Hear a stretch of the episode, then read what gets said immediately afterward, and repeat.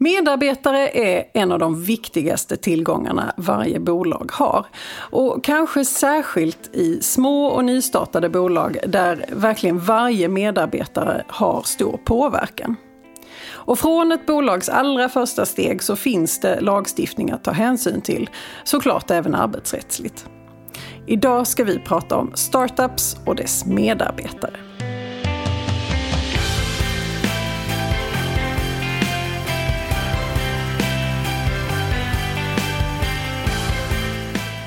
Hej och välkommen till Arbetsrättspodden. Podden för dig som verkar inom HR eller hanterar personalfrågor i din vardag. I den här podden vill vi bjuda på nya infallsvinklar och dela med oss av vår kunskap för dig som arbetar inom HR-området. Jag heter Emelie Svensäter Jerntorp och arbetar som advokat inom arbetsrätt här på Vinge. Och med mig idag har jag min kollega Rickard Varné som är advokat och specialiserad på M&A och kapitalanskaffningar och arbetar precis som jag på vårt Malmökontor. Hej Rickard! Hej! Ja, Rickard, du arbetar väldigt mycket med startups. Eh, vilka är de vanligaste frågorna i början av ett bolags resa? Ja, man kan väl säga så här att ett, ett startup eller ett scale-up eller ett tidigt bolag eller ett förhoppningsbolag eller vad man nu väljer att kalla det är ju, som vi brukar säga, det är precis som vilket bolag som helst. Det är bara det att man är lite mindre eh, och man kanske har en annan utvecklingskurva eh, som man ser framför sig.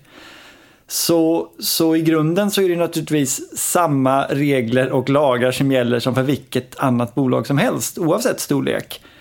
Men det som särskiljer den här typen av tidiga bolag, eh, framförallt de som, är, de som söker liksom extern finansiering och förväntar sig att växa väldigt mycket, är ju att man på något sätt vill revolutionera sin bransch. Man vill göra någonting nytt, någonting som ingen har gjort innan eller på ett annat sätt.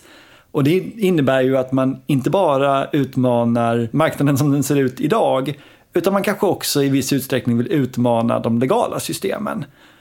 Och det gör ju naturligtvis att, att man paradoxalt nog kan man tycka kan få större legala utmaningar och större legala frågor i ett väldigt tidigt och litet bolag än vad man får i ett stort moget bolag med kanske hundratals anställda. Kan du ge något exempel?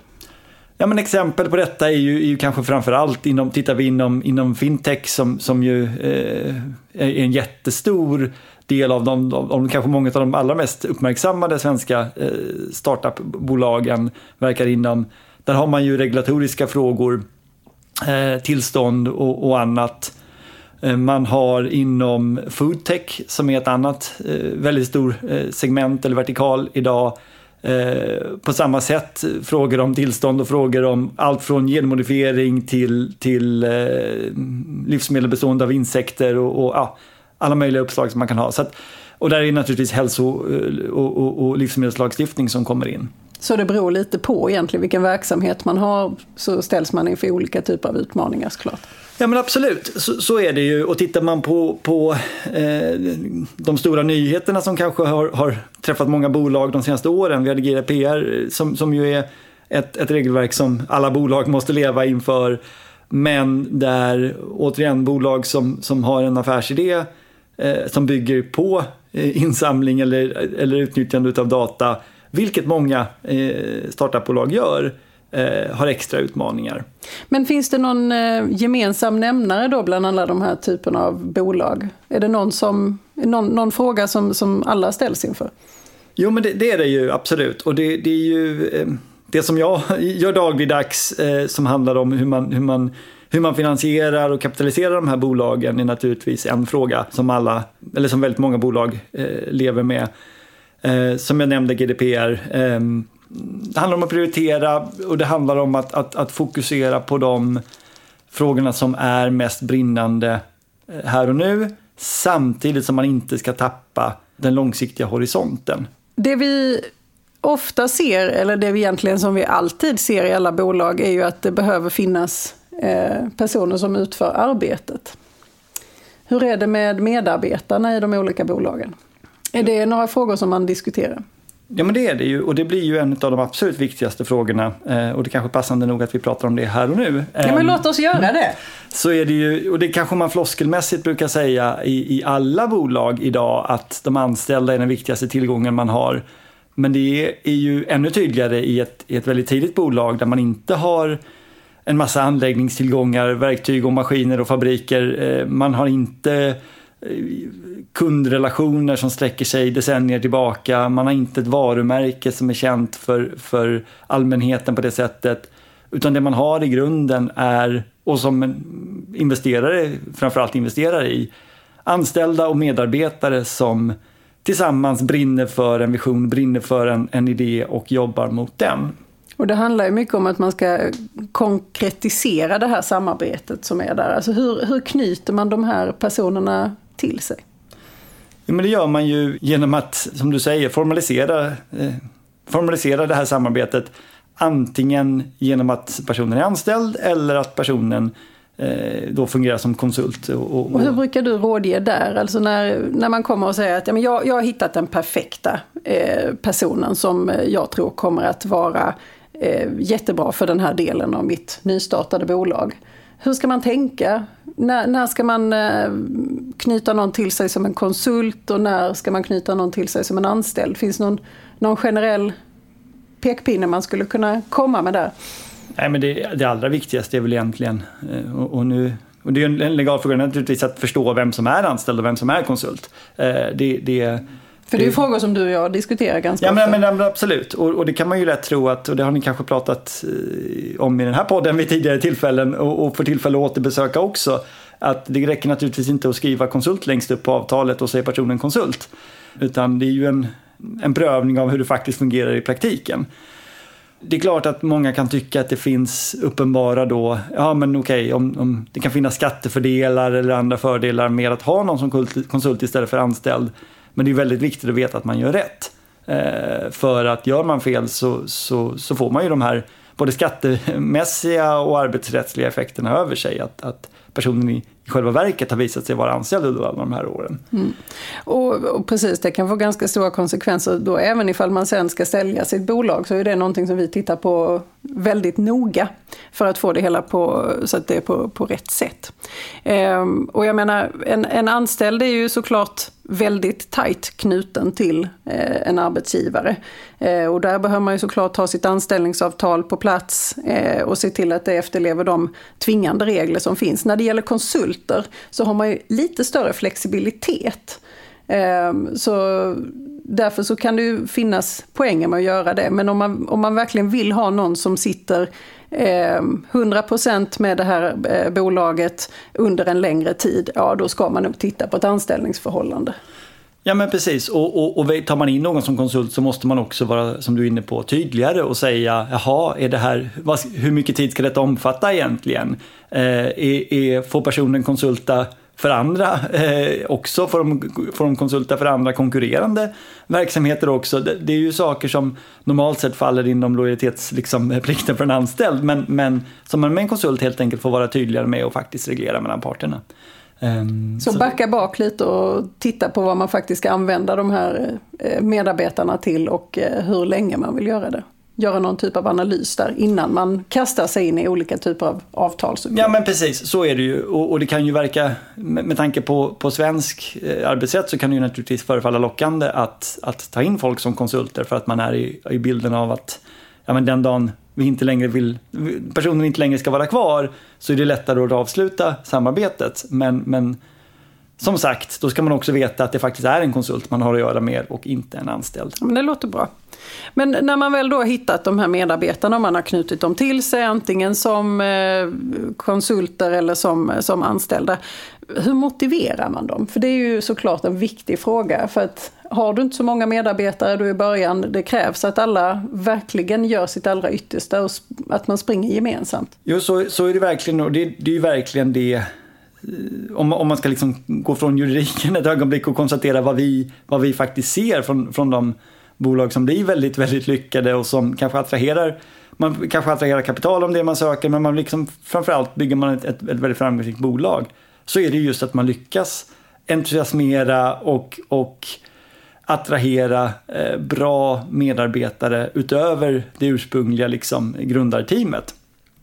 Och ja, hur motiverar man dem? Ja, det, det, det är ju naturligtvis så att man att, att möjligheten att betala en en hög månadslön är ju ofta, ofta i alla fall i tidig fas, eh, begränsade. Eh, utan man får, man får hitta andra sätt.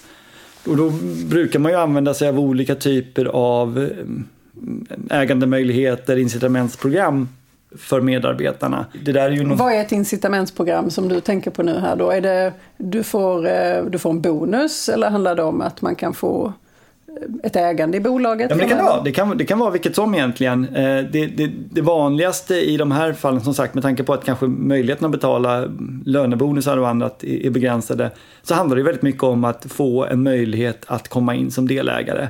En bit i, av kakan. Precis, precis. Där kan man egentligen bara ta med sig att Ger man en anställd någonting som är bättre än marknadsvillkor, till exempel rätt att köpa aktier till ett värde som understryker marknadsvärdet, eh, så är det en förmån till den anställda och, och, och, och, utgångspunkten är att det ska då tjänstebeskattas. Ehm, det gör att man till exempel nog den som, den som startar sitt bolag själv eller med ett litet team kan till exempel redan tidigt fundera på Borde vi inte se till att de personerna som ska vara djupt engagerade i detta bolaget faktiskt äger aktier redan från början? Det är en bra sak att fundera på. Man måste också vara lite försiktig innan man lovar sina anställda för mycket om, om vilket ägande de ska få och vilka möjligheter de ska få lov att köpa aktier så att man säkerställer att man kan göra det utan att det får skattemässiga dåliga konsekvenser för bolaget och för den anställde. Så fullt möjligt, men kolla upp förutsättningarna eh, och planera i den delen också? Ja, precis. Och framförallt innan man lovar den anställde någonting. För det kan vi väl se ibland att det, det kan vara en, en, källa till irritation att man känner att man blivit utlovad någonting men som sen bolaget får svårt att genomföra på det sättet som det är sagt. Och det här som vi beskriver nu, alltså till exempel eh, att man får eh, alltså monetär kompensation, alltså antingen genom en, eh, en bonus eller en hög lön eller någonting sådant. Eller att man får ett ägande i bolaget. Det är ganska traditionella sätt att motivera anställda. Och jag måste säga att när, när jag arbetar med, med startups och mycket unga människor i alla fall, så upplever jag det som att man behöver motivera även på andra sätt. Alltså det räcker inte bara att, att visa på en pengapåse eller att du får en bit av kakan, utan man, man vill ha andra saker att springa mot. Eh, hur ser du på det?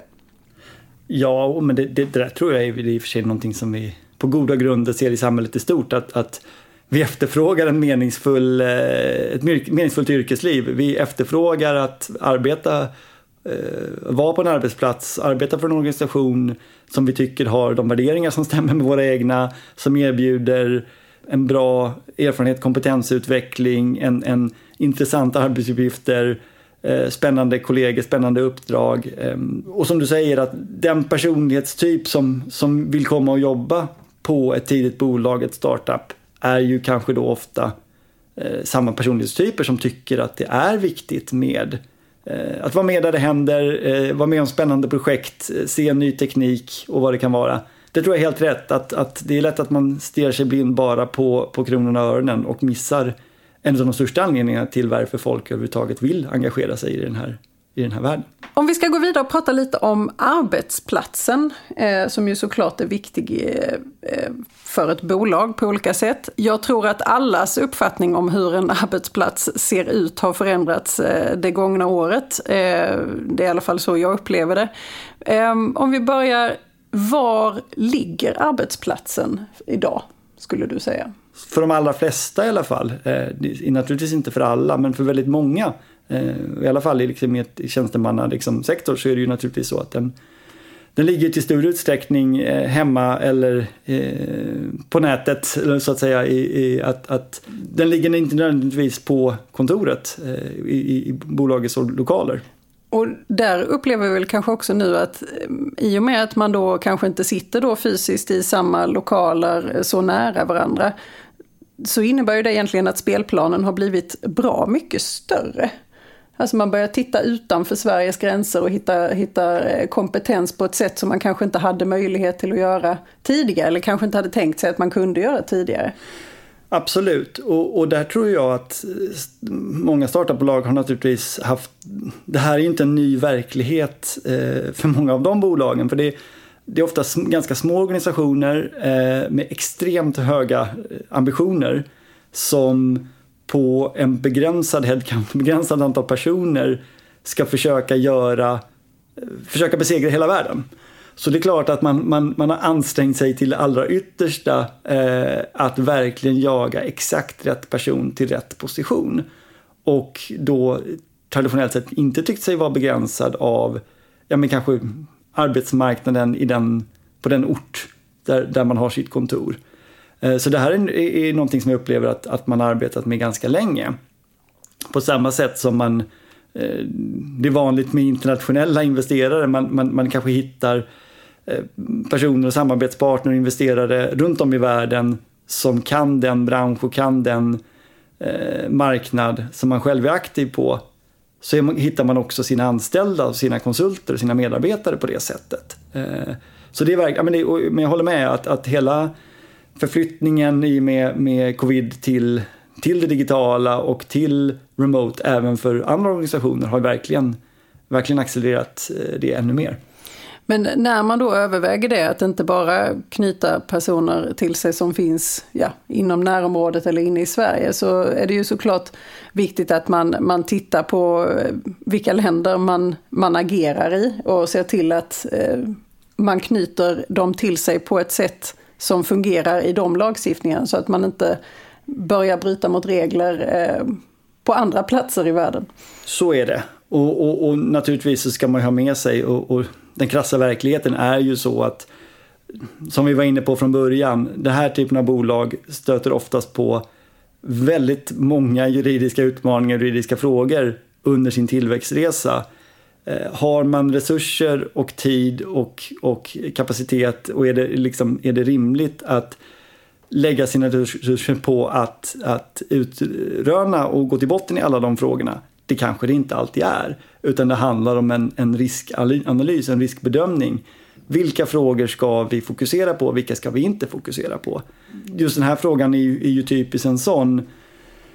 Ja, så, precis som vi säger, går man ut och har anställda på i 10-15 olika länder runt om i världen och de sitter i, sina, eh, i de länderna och arbetar, ja, då har man ju en potentiell risk att de anses vara anställda i det landet, att man kanske måste registrera sig som arbetsgivare i det landet, betala sociala avgifter i det landet och allt vad det för med sig, även på de incitamentsprogram och annat som man då eh, väljer ut till de här personerna. Det faller tillbaka till vad vi sa från början, att, att med den ambitionsnivå som många av de här bolagen har så är det ju, det är ju en av de riskerna som man får väga in och göra en bedömning hur vi ska hantera och hur vi ska följa upp. Precis. Nej, det finns, finns mycket att tänka på. Eh, det här är vad vi hinner med idag. Eh, jag tycker det var superspännande att prata om det här. Eh, är det någonting som du skulle vilja säga avslutningsvis som man, man kan ta med sig?